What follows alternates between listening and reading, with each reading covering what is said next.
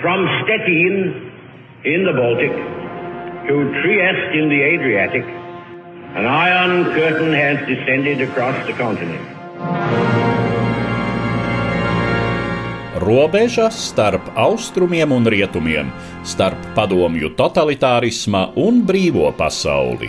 Dzels priekškars.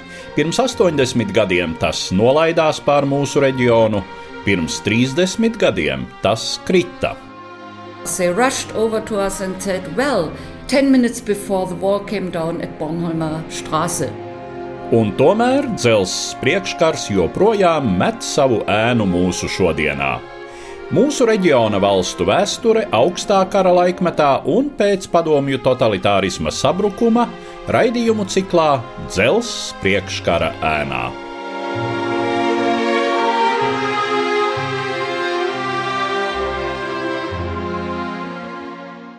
Labdien, cienījamie klausītāji! Šodien mūsu šī cikla pēdējā raidījumā mēs pievērsīsimies Polijas republikas vēsturē pēdējās trīs desmitgadēs pēc padomju sistēmas sabrukuma. To mēdz dēvēt arī par Trešo Polijas republiku, Un mani sarunbiedri šodien studijā ir politologi, Latvijas ārpolitikas institūta direktors un Rīgas Stradiņa universitātes profesors Andris Sprūts. Labdien! Sveicināti! Un Latvijas ārpolitikas institūta pētnieks un Latvijas universitātes un juridiskās augstskolas pasniedzējs Aldis Austers. Labdien! Labdien! Mums vispirms droši vien būtu jāpieskaras tam, kā tad notiek šis pārējais process Polijā jo, kā zināms, Polijas vēsture, tai padomju ēras pēdējā desmitgadē ir sevišķi satricinājumiem bagāta, ir kustības solidaritāte. 70. gadu beigās, 80. gadu sākumā mēģinājums no apakšas mainīt poļu sabiedrību, ir padomju pretreakcija, ir kara stāvokļa ieviešana, diezgan nežēlīgs represīvs režīms, kura priekšgalā ir ģenerālis Jaruzelskis.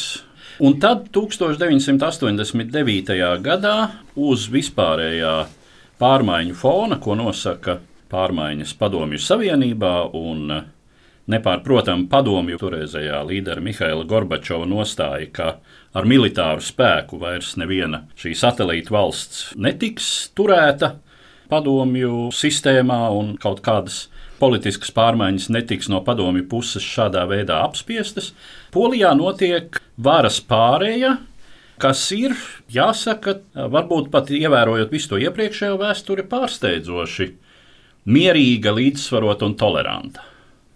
To, ko Edvards pieminēja, ir tas, ka 80. gados nu, noteikti padomju savienības vai komunismu likteņi lielā mērā varbūt pat ir izšķīrās Polijā. Nevēl Leks Valēns ir izteicies, ka komunismu sagrāva trīs cilvēki. Pa 25% Mihāls Gorbačovs, pa 25% Leks Valensa un pa 50% Karols Voitila, jeb Jānis Pāvils II, kas iedeva Polijai tādu pašcieņu, pašlepnumu devu. Uz kā viļņa arī solidaritāte izvērtās 70. gada beigās, 80. gada sākumā, un vēl te Gorbačovam nākot pie varas, Viņam bija jātiek galā, tā vairs nebija inteliģentā Vaclava Havela vadīta opozīcija Čehoslovākijā. Tā bija principā strādnieku un zemnieku, tikai ļoti katoliciski noskaņota sabiedrība, kas vairs negribēja pieņemt komunismu. Un līdz ar to viss šī Brežņeva doktrīna, ka var nokārtot lietas atbilstoši Padomju Savienības un komunismu interesēm, tas vairs īsti nedarbojās. Tā kā tas ir jāatcerās, varbūt mēs bieži pieminam barikādas kā tādu atslēgas momentu Baltijas ceļa, bet noteikti ļoti liela taisnība ir tā, ka tie likteņi izšķīrās tieši Polijā, kas ir liela sabiedrība, protams, daudz desmit miljonu sabiedrība, kas lielā mērā mainīja to paradigmu, to loģiku, to domāšanu, tā skaitā arī Padomju Savienībā. Bet vienlaikus jāsaka, ka ir zināmā veidā tāds iedzimtais grēks šajā visā, jo tas apaļais galds un tā trešā republika, ko tu pieminēji, joprojām ir kļuvusi par tādu pretmetu vai diskusijas objektu. Nevelti šobrīd likums un taisnīgums un Jaroslavs Kačīnskis nāca ar šo terminu Ceturtā republika ka tā trešā republika jau bija korumpētajos pirmsākumos, ka tā trešā republika bija tomēr tā miermīlīgā pārēja, miermīlīgā saruna dialogs ar komunistiem, un ka ļoti daudz kas tajā visā bija no komunistiem teiksim, tā, mantots. Un tieši tāpēc šī pretmetu politika vai politika caur pretnostatījumu, viņi ļoti spēcīgi Polijā. Vienlaiks, protams, arī ir tas, ka Polija ir pašpietiekama tajā savā mentalitātē un var teikt, ka ir salīdzinoši gludi kopumā tā pārēja notikusi, bet gan iekšējās pretrunas, tā iekšējā politiskajā cīņā, gan arī Polijas brīžiem, epizodiski, un to mēs redzam šobrīd, pretnostatījums ar citām valstīm Eiropā, viņš tomēr ir lielā mērā arī sistēmisks, likumsakarīgs un kaut kur polijas tajā attīstībā arī ielikts. Polija ir tāds, um, varētu teikt, lakmus papīrs transformācijām Centrālā Austrumē Eiropā pēc Padomju Savienības sabrukšanas un arī zem procesiem, kas notiek visās šajās valstīs šobrīd, esot dalību valstīm Eiropas Savienībā. Un tie straumi ir dažādi un diezgan dziļi, kur ir saknes meklējums polijas vēsturē, skatoties jau atpakaļ līdz pat viduslaikiem. Un arī dzen, tie pretstati, pretmeti, pretnostatījumi eksistē arī šobrīd. Un arī dziļas plaisas ir pašā sabiedrībā. Kā mums jāšķiet, mēs runājam par polijas nāciju, bet šī nācija tomēr sastāv no dažādām ļaužu grupām.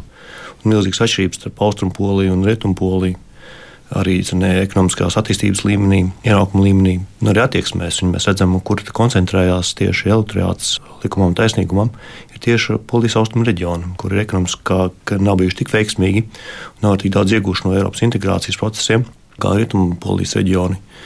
Un, protams, arī jā, reliģiskās dogmas, kuras konfliktē nepārtraukti ar liberālās Eiropas ideāliem. Tātad eitanāzijas, homoseksuālas tiesības, abortu tiesības. Tātad šīs pretrunas pastāv un ir cilvēku grupas polijā, kuras uzskata, ka šīs Eiropas liberālās vērtības ir drauds poļu katoliskai identitātei. Tas faktiski ir interesanti, ka no vienas puses pēc otrā pasaules kara Polija kļūst par etniski samērā monolītu sabiedrību. Tur ir ļoti maz etnisko minoritāšu, arī reliģiski. Tā, tā ir praktiski monokatoliska sabiedrība. Bet eh, tā ir, ka arī šobrīd būtiski atšķiras iedzīvotāju noskaņojums.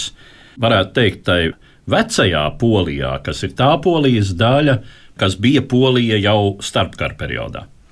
Un eh, tajās polijas teritorijās, kuras tika pievienotas Otrā pasaules kara rezultātā, zināmā mērā kompensējot Polijai Padomju Savienības atņemtās teritorijas austrumos, Tā tad bijušās Vācijas zemes, tā ir eh, Austrum Pomerānija, tā ir Silēzija, no kurienes vācu iedzīvotāji tika praktiski visi padzīti, un tur tad apmetās cilvēki no šiem zaudētajiem austrumu apgabaliem, kas ir tagadējā Rietumu Ukraina, Rietumu Baltkrievija gan arī acīm redzot nu, no citām polijas daļām, bet visdrīzāk tie bija salīdzinoši jauni, salīdzinoši neiesakņoti ļaudis, un tā domāšana ir kaut kādā ziņā citādāka. Noteikti, ka viss pieminētais parāda to polijas, es teiktu, arī sarežģītumu un daudzšķautņainību, jo tieši tā polija ir pavirzījusies geogrāfiski, no tām vēsturiskām teritorijām viņa noteikti pavirzījusies uz rietumiem. Viņa pavirzījusies tajā savā etniskajā veidojumā, jo precīzi Polija ir bijusi gadu simtiem ļoti etniski krāsaina vai multinacionāla kopiena. Šobrīd viņa ir tieši viena no retajām Eiropas kopienām, kas ir faktiski ļoti homogēna, viendabīga gan etniskajā ziņā, gan arī reliģiskajā ziņā. Bet aiz tā visa tomēr joprojām ir šīs šķautnes, kas dzīvi sarežģīja arī polijas politikā. Un var, protams, ka runāt par austrumiem un rietumiem taisnība, bet tikpat labi jāatcerās, ka Polija šis baltais ērglis, ko sadalīja trīs melnie é, é e, savā laikā Austrija, Prūsija un Krievija, ka šīs trīs teritorijas, nu, viņas joprojām kaut kur ir klātesošas ar vācu ietekmi, ar dienvidu, kur vīna ir tuvāk nekā Varšava, Krakovai, vai, protams, arī šī austrumnieciskā daļa, vai precīzi, ko tu vēl pieminēji, arī tā skaitā, ka savukārt eh, šajās iegūtajās teritorijās, kas polijas mitoloģijā, protams, ir atgūtajās teritorijās, jo Vroclava, Breslava, vienalga kā mēs to saucam, tā skaitā pie pjastiem bija arī polijas dinastija nācijas piederīgi. Bet tur savukārt precīzi, it kā vācu zemēs, vācu arhitektūrā ir ienākusi identitāte, kas ir nākusi no Ukrainas, no Baltkrievijas. Ļoti interesants šis veidojums, bet ko es ar to visu gribu teikt? Ka šiem šķautnēm ir ietekme, bet tā nav vienīgā šķautne, jo, protams, ka, ja mēs skatāmies šobrīd pretmetis, tad pretmetis starp pilsētām un laukiem, pretmetis starp jaunākiem un vecākiem cilvēkiem, pretmetis starp izglītotākiem un mazāk izglītotiem, un, protams, ka var vilkt šīs joslas, kur kas kā balso, un noteikti tā ir, bet aiz tām joslām slēpjas dziļākas šķautnes un plaknes, tā izskaitā, protams, kas dalās ne tikai geogrāfiski, bet dalās arī pēc izglītības, pēc nodarbošanās veida, pēc atrašanās dzīvesveida. Ja mēs paskatāmies uz to polijas sabiedrību, kāda tā ir padomju sistēmas sabrukuma brīdī, uz tām sociālajām, ekonomiskajām problēmām, un attiecīgi sastatām to ar šī politiskā spektra veidošanos un pastāvēšanu pirmajos 15 gados, jo, protams, kā lielam, lielam vairumam kādreizējās padomju sistēmas valstu, tā attīstība ir dalāma šais trīs desmitgadēs divos posmos. Posms līdz pievienošanās brīdim NATO, kas Polijai ir 1999. gads, un Eiropas Savienībai, kas Polijai ir tāpat kā Latvijai 2004. gads, un pēc tam šajā pirmajā posmā, kad Polija iet uz šiem diviem lielajiem mērķiem. Jāatzīmē, ka Polijas ekonomiskais stāvoklis bija salīdzinoši sliktāks nekā daudzās citās Višegradas valstīs, piemēram, Ungārijā vai Čehijā. Tāpēc arī Polijā šīs šoka reformas saucamās, bija salīdzināmas ar Latvijas un Baltijas valsts pieredzi. Viņas bija ļoti dziļas. Šoks bija diezgan liels, un tas arī radīja sašķeltību, ieguvējos un zaudētājos no šīm reformām. Un, um, pa vidu, protams, nāca arī šis diskurss, ka dalība NATO un Eiropas Savienībā ir daļa no polijas drošības jautājuma, līdzīgi kā Baltijas valstīs. Un tas arī ļāva iegūt plašsabiedrības atbalstu dalībai Eiropas Savienībā. Bet, protams, bija šīs uh, negatīvās sekas, šie zaudētāji. Protams, tā bija neapmierināta sabiedrības daļa, kur šī neapmierinātība izpaudās vēlēšanās pēc pievienošanās Eiropas Savienībai, kad pie varas nokļuva likums taisnīgums. Tāda ir labēji radikāls politisks spēks, kurš klāji neiestājas pret uh, Eiropas Savienību. Viņi joprojām saprot, ka tas ir daļa no valsts drošības. Tomēr uh, šīs idejas, kas tika propagandētas ar poļu identitāti, tradicionālu identitāti, viņa nenovēršana bija pretrunā ar Eiropas Savienības liberālām vērtību sistēmu. Bet jā, nu, daudziem poļiem tas šķita saistoši un interesanti un svarīgi. Un plus jau, vēl, protams, arī sociālais atbalsts, kur gan solīja, gan arī sniedz likums taisnīgums. Tas arī noteica šo politisku pagriezienu, aiziešanu no liberālām pilsoniskām vērtībām, ejot šo identitātes politikas ceļu. Varbūt piebilstot vēl Protams, ka likums un taisnīgums nav nācis vakumā. Un vēl te es runāju par šo ceturto republiku, Čvarta Žečpospolita, ko likums un taisnīgums arī ir sludinājis par to, ka nu, ir jāmaina sabiedrība, ir jāmaina valsts, ir jāmaina to, kā valsts funkcionē. Un, lai cik tas paradoxāli nebūtu, tieši miermīlīgā pārēja 89. un 90. gadā nestoties uz visu ekonomisko šoku ar Bolsonaroviču priekšgalā. Bet mums jāatcerās, faktiski Polija ieveda NATO un Eiropas Savienībā pēc Leha Valensa Kvašņevskis bija prezidents, sociāldemokrāts ir bijušais komunists, un Millers kā premjeras ieveda savukārt Eiropas Savienībā ļoti pārliecinoši sociāldemokrāti bija arī pie varas 2000. gada sākumā. Tā kā pirmā desmitgada faktiski bija turpinājums kaut kādā veidā tam dialogam, kas faktiski iznes priekšplānā arī bijušos komunistus. Un eh, tad, kad nāca likums un taisnīgums jau 2000. gada pirmās desmitgades vidū, kopā ar arī pilsonisko platformu, principā divas partijas, kas dialektiski veidojās, viņas kaut kur veidojās pretmetā, teiksim, miermīlīgai pārējai šim apaļajam galdam, kas bija iznesis komunistus priekšplānā. Un abi divi viņi atsaucās lielā mērā uz poliskajām vērtībām, viens vairāk, viens mazāk, bet kaut kur viņas abas divas rezināja veidā savu konservatīvismu, un abas divas viņas, protams, bija bija arī pret, nu, ja tā var teikt, uztverto komunistu salīdzinoši veco piekopto politiku, ar korupciju, ar nestrādājušām tiesām, ar savējo salikšanām. Cits jautājums mēs varam noteikti izvērtēt, kas notiek šobrīd. Bet jāsaprot, ka gan likums, gan taisnīgums, gan opozīcija esošā pilsoniskā platforma faktiski nāca pretmetā tai pirmajai desmitgadē. Un, protams, ka tie lielie mērķi, to, ko tu minēji, iestāšanās NATO un Eiropas Savienībā bija realizēti, un tad parādījās pieprasījums pēc citu veidu politikas, kas varbūt nebija vairs tik daudz uz ārējo draudu novēršanu, bet uz valsts iekšējo sakārtošanu, kas tika uzskatīta, ka iepriekš tomēr pirmajā desmitgadē viņa sakārtota nebija, un tur bija ļoti spēcīgs šis padomiskais mantojums. Tā izskaitā, protams, arī uzvarētāju un zaudētāju pilsoniskā platformā arī pieņēma uzvarētāju, ja tā var teikt, elektorātu, tad likums un taisnīgums paņēma šo zaudētāju elektorātu un mēģināja, protams, papildināt to ar sociālo programmu, sociālajiem aktivitātēm, un kas ļoti spēcīgi polijā rezonēja un rezonē joprojām. Cik es atceros, tad tajā brīdī, kad eh, pilsoniskā platforma un likums un taisnīgums uznāca politiskajā skatuvē, tad pārliecība bija tāda, ka šīs abas partijas, kas viena pa labi no centra, otra diezgan izteikti centriska, veidos koalīciju, veidos ļoti stabilas valdības. Notika pretējais, ka šīs partijas sāka politisko konkurenci, kas turpinās joprojām, un nu, līdz šim ir eh, divas reizes notikušas. Polijai arī jāsaka tradicionālās pārējas pa labi un pa kreisi. Tā tad vispirms bija likums un taisnīgums varas periods, tad bija pilsoniskās platformas varas periods, tad 2015. 15. gadā mhm. likums un taisnīgums atgriešanās. Bet mēs varam teikt, ka varbūt atšķirībā no Latvijas pieredzes, Polija tiešām prata izmantot tās iespējas ļoti ātri un sekmīgi, ko tai deva iestāšanās Eiropas Savienībā.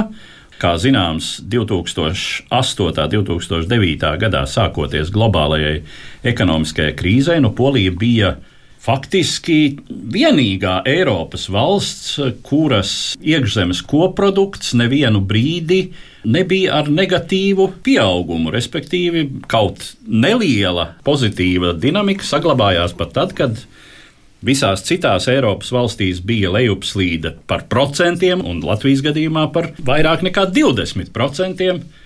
Tas vairāk nav saistīts ar politiskiem procesiem, tas ir ekonomiski, jo Polija tomēr ir liela mm. valsts, liela ekonomika. Viņi ir daudzveidīgāki un mazāk atkarīgi no eksporta, kā mm. mazās valsts, kā Latvija. Līdz ar to 8. gada krīzes laikā Polijai nesabruka eksporta tirgi un spēja turpināt ražot un patērēt paši savā valstī. Tas darbojas kā tāds buferis pret tām kataklizmām, kas notika globāli. Bet, protams, tas attīstības cikls bija samērā līdzīgs visās šajās valstīs. Tātad šis investīcija bums, kurš sākās jau pirms pievienošanās NATO un Eiropas Savienībai, jo tas radīja zinām eforiju investorus, ka šīs valstis kļūst politiski drošas, ar lielu ekonomisko izaugsmas potenciālu. Tas radīja vilkli un investīcijas plūda, un plūda gan uz Latviju, gan uz Poliju lielos apjomos. Latvijā, protams, tā neveiksme bija tāda, ka mēs pārāk daudz aizgājām šo finanšu investīciju ceļu. Bankas ņem aizņēmumus starptautiskos un deva kredītus šeit Latvijas iedzīvotājiem, nekustamā īpašuma iepirkumiem, kas pārgarsēja. Polijā, kā lielākā valstī, tas cikls notiek daudz lēnāk un nespēja nonākt šajā pārkaršanas punktā tik ātri, kā mēs nonācām. Līdz ar to, tad, kad sākās globālā krīze, Polijā un makroekonomiskā situācija bija salīdzinoši labvēlīga. Tieši tā, mēs esam bijuši tam ar vairāk virtuālu ekonomiku un salīdzinoši ievainojamāku ekonomiku, un dzīve vienkārši spiež mums varbūt arī iziet uz varbūt vairāk pakalpojumu sfēru, kamēr Polija bijusi tomēr ražojoša. Bet jāatzīst, ka viena atšķirība, kas, protams, ka bija, nu, mums šeit bija izveidojies pilnīgi neprātīgs nekustamā īpašuma burbulis, kamēr Polijā likumdošana faktiski nepieļāva šādu burbuli izveidot. Bet ja mēs skatāmies šobrīd, tad IKP uz cilvēku milzīgas atšķirības starp mums nav. Es domāju, ka arī šeit, Latvijā, tāpat kā Polijā, neskatoties to, ka viņi varbūt izgāja cauri salīdzinoši mierīgāk, tomēr šis suverenizācijas elements, pašpietiekamības elements, ka mums jāpaļaujas pašiem uz sevi, uz to nāk likums un taisnīgums, ka šeit ir zināms suverenizācijas elements, mums jābūt pašpietiekamiem. Un tas, ka tomēr arī Polijā ir bijis pietiekoši liela šī zaudētāja grupa, kas varēja sev tā uzskatīt sociāli, tomēr pietiekoši masturīgi, kas ne tikai bija gatavi parakstīties, runāt par austrumiem un rietumiem jautājumiem, uz tiem identitātes jautājumiem, varbūt tādiem reliģiozākiem teiksim, uzstādījumiem, bet arī uz to, ka likums un taisnīgums katram bērnam iedod šie 500 plus 500 lotus plus, kas ir vairāk nekā 100 eiro uz vienu bērnu, pēkšņi daudz bērnu ģimenēm parādījās nauda, pa kuriem viņi var atļauties aizbraukt ceļojumā, nopirkt nepieciešamās lietas, un tas, protams, ka likuma un taisnīguma ir padarījis ļoti populāru arī sociāli maznodrošinātajās grupās. Par to bija runa, ka tas nav iespējams, ka budžets to nepacels, bet faktiski tomēr likumam un taisnīgumam izdevās to arī izdarīt. Un to tomēr ir jāatcerās, ka tas nav tikai par tādām identitātes konservatīvām vērtībām. Pietiekoši daudz sabiedrības pārstāvju, sabiedrības grupas bija tās, kas tiecās arī pēc šāda valsts atbalsta, ko arī likums un taisnīgums te savā programmā ietvēra un arī realizēja. Ja mēs runājam par Poliju, kāda tā ir šobrīd, šī bipolārā valsts politika, mazākās politiskās partijas tā vai citādi rotē šo divu lielo orbītā, veido vai nu koalīciju, nu, un attiecīgi teiksim, opozīcijas kombināciju, vai arī atbalsta šo koalīciju, pie kam spēku samērs ir ļoti līdzīgs. Ja nu mēs runājam par šo polijas sabiedrību, tradicionāli, ja mēs sakām, nu, polijas sabiedrība ir sašķelta cik šis priekšstats ir atbilstošs patiesībai, ka tā sabiedrība ir šais divās daļās sadalījusies. Nu, es tomēr vairāk to nosauktu par daudzšķautņainu sabiedrību, kas sastāv no dažādiem varas poliem, bet ne tik daudz kā sašķelta sabiedrība. Jo no vienas puses, interesanti to, ko tu pieminēji, tā tendence ir tāda, ka pretēji daudzām citām valstīm, pretēji tai loģikai, mēs kļūstam vien fragmentētāki politiski. Polija faktiski ir notikusi tā zināmā veidā konsolidācija. Bet aiz tās konsolidācijas, protams, kas slēpjas atkal tās daudzās šķautnes, arī šobrīd likums un taisnīgums, viņš jau balstās uz mazām partijām. Uz katrām vēlēšanām parādās kāds trešais spēks. Viņš līdz galam nav izsities vai nu personības dēļ, vai nu pēc tam, teiksim, nespējas kaut kādā veidā šo politisko kapitālu izmantot, bet uz visām vēlēšanām šis potenciālo jauno spēku elements viņš ir klātesošs. Jaroslavs Kačinskis ir noteikti jāpiemina. Viņš ir likuma un taisnīguma ideiskais un praktiskais arhitekts. Un tiešām var viņš patikt vai nepatikt, bet lielā mērā politiski viņš ir. Nu, ar savu ģenialitāti, ar savu talantu. Un ļoti liels jautājums būs, kas notiks pēc Jaroslava Kačinska. Viņa politikā, likums un taisnīgums politikā, šī politika caur pretnostatiem, politika caur konfliktu. Tu mobilizē savu elektorātu caur teiksim, tā, konfliktu vai uz konfliktu aicinot citu elektorātu sastāvdaļu. Es negribētu uzreiz teikt, ka polijas sabiedrība ir fundamentāli sašķelta, bet, protams, ka polijas sabiedrībā ir ļoti daudz un dažādi strāvojumi. Polijas sabiedrība ir dažāda. Tas ir polijas sabiedrības un polijas politikas izaicinājums. Vienlaikus jāsaka, ka tas ir arī polijas sabiedrības šarms un spēks. Jā, un te atzīst, ka šī partija bloks būtībā sastāv no vairākiem politiskiem spēkiem un ir liberālais spārns Viena vienība, laikam tā viņa pareizi saukt latviešu būtu, un otrs ir radikālāks pāns par likums taisnīgums, kas ir uh, polijas vienotība. Un, uh, jautājums ir, uh, vai viņi spēj saglabāt vienotību arī nākošajās vēlēšanās vai pēc nākošajām vēlēšanām. Nu, otrs, protams, ir jautājums par attiecībām ar Eiropas Savienību, jo, diemžēl, tā dinamika nav par labu šobrīd likums taisnīgums, jo veids, kā viņi īsteno savu politiku, nenovēršami jānonāk konfliktā ar Eiropas Savienības institūcijām un viņu skatījumu par to, kā būtu demokrātiski pārvaldām valsts. Tagad ir procesā jau kārtējais lēmums Eiropas Savienības tiesā par to, kā piespiest Poli atgriezties pie likuma varas. Un jāsaprot, ka likums taisnīgums nevar piekāpties, jo tad viņi vairs nevar īstenot savas vērtības, kā viņi uzskata būtu īstenojamas. Tad jautājums par tiesu neatkarību, par masu medijiem un, un tam līdzīgi par opozīcijas iespējām arī izteikties. Likums taisnīgums ir solījis izmantot tātad, savu pārstāvību Eiropas institūcijās, sabotējot svarīgu lēmumu pieņemšanu Eiropas Savienībā, piemēram, to pašu zaļo kursu un tam līdzīgi. Bet sabiedrība kopumā Polijā ir joprojām proeiropiska sabiedrība un nepieņems nekādus soļus, kas varētu Poliju attālināt, sabiedrību attālināt no Eiropas Savienības. Es pieņemu, ka nākamajās vēlēšanās Eiropas Savienības jautājums varētu būt viens no kritiskiem, kas ir noteikts rezultāts.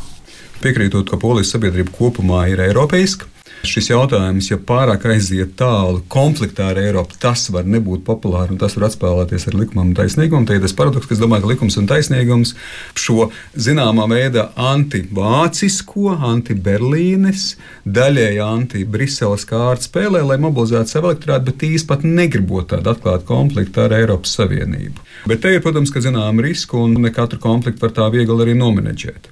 Bet jāskatās tomēr, kas notiek Eiropā kopumā. Eiropa arī nav uz vietas stāvoša. Eiropa arī mainās, ja tā var teikt, filozofija. Noteikti var būt kritiska attieksme, arī es esmu kritisks.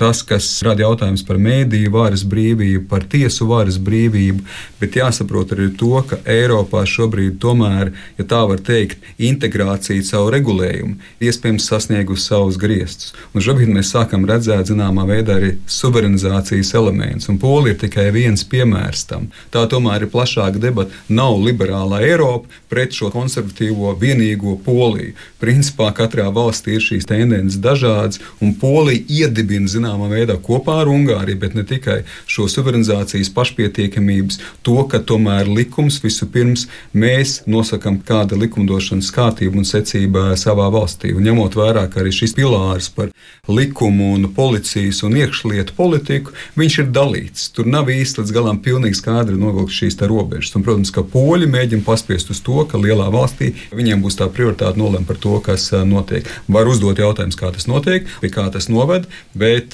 šeit ir arī fundamentāla dialektiska attīstība Eiropas Savienības ietvaros kopumā. Un polija kā viens elements tajā visā.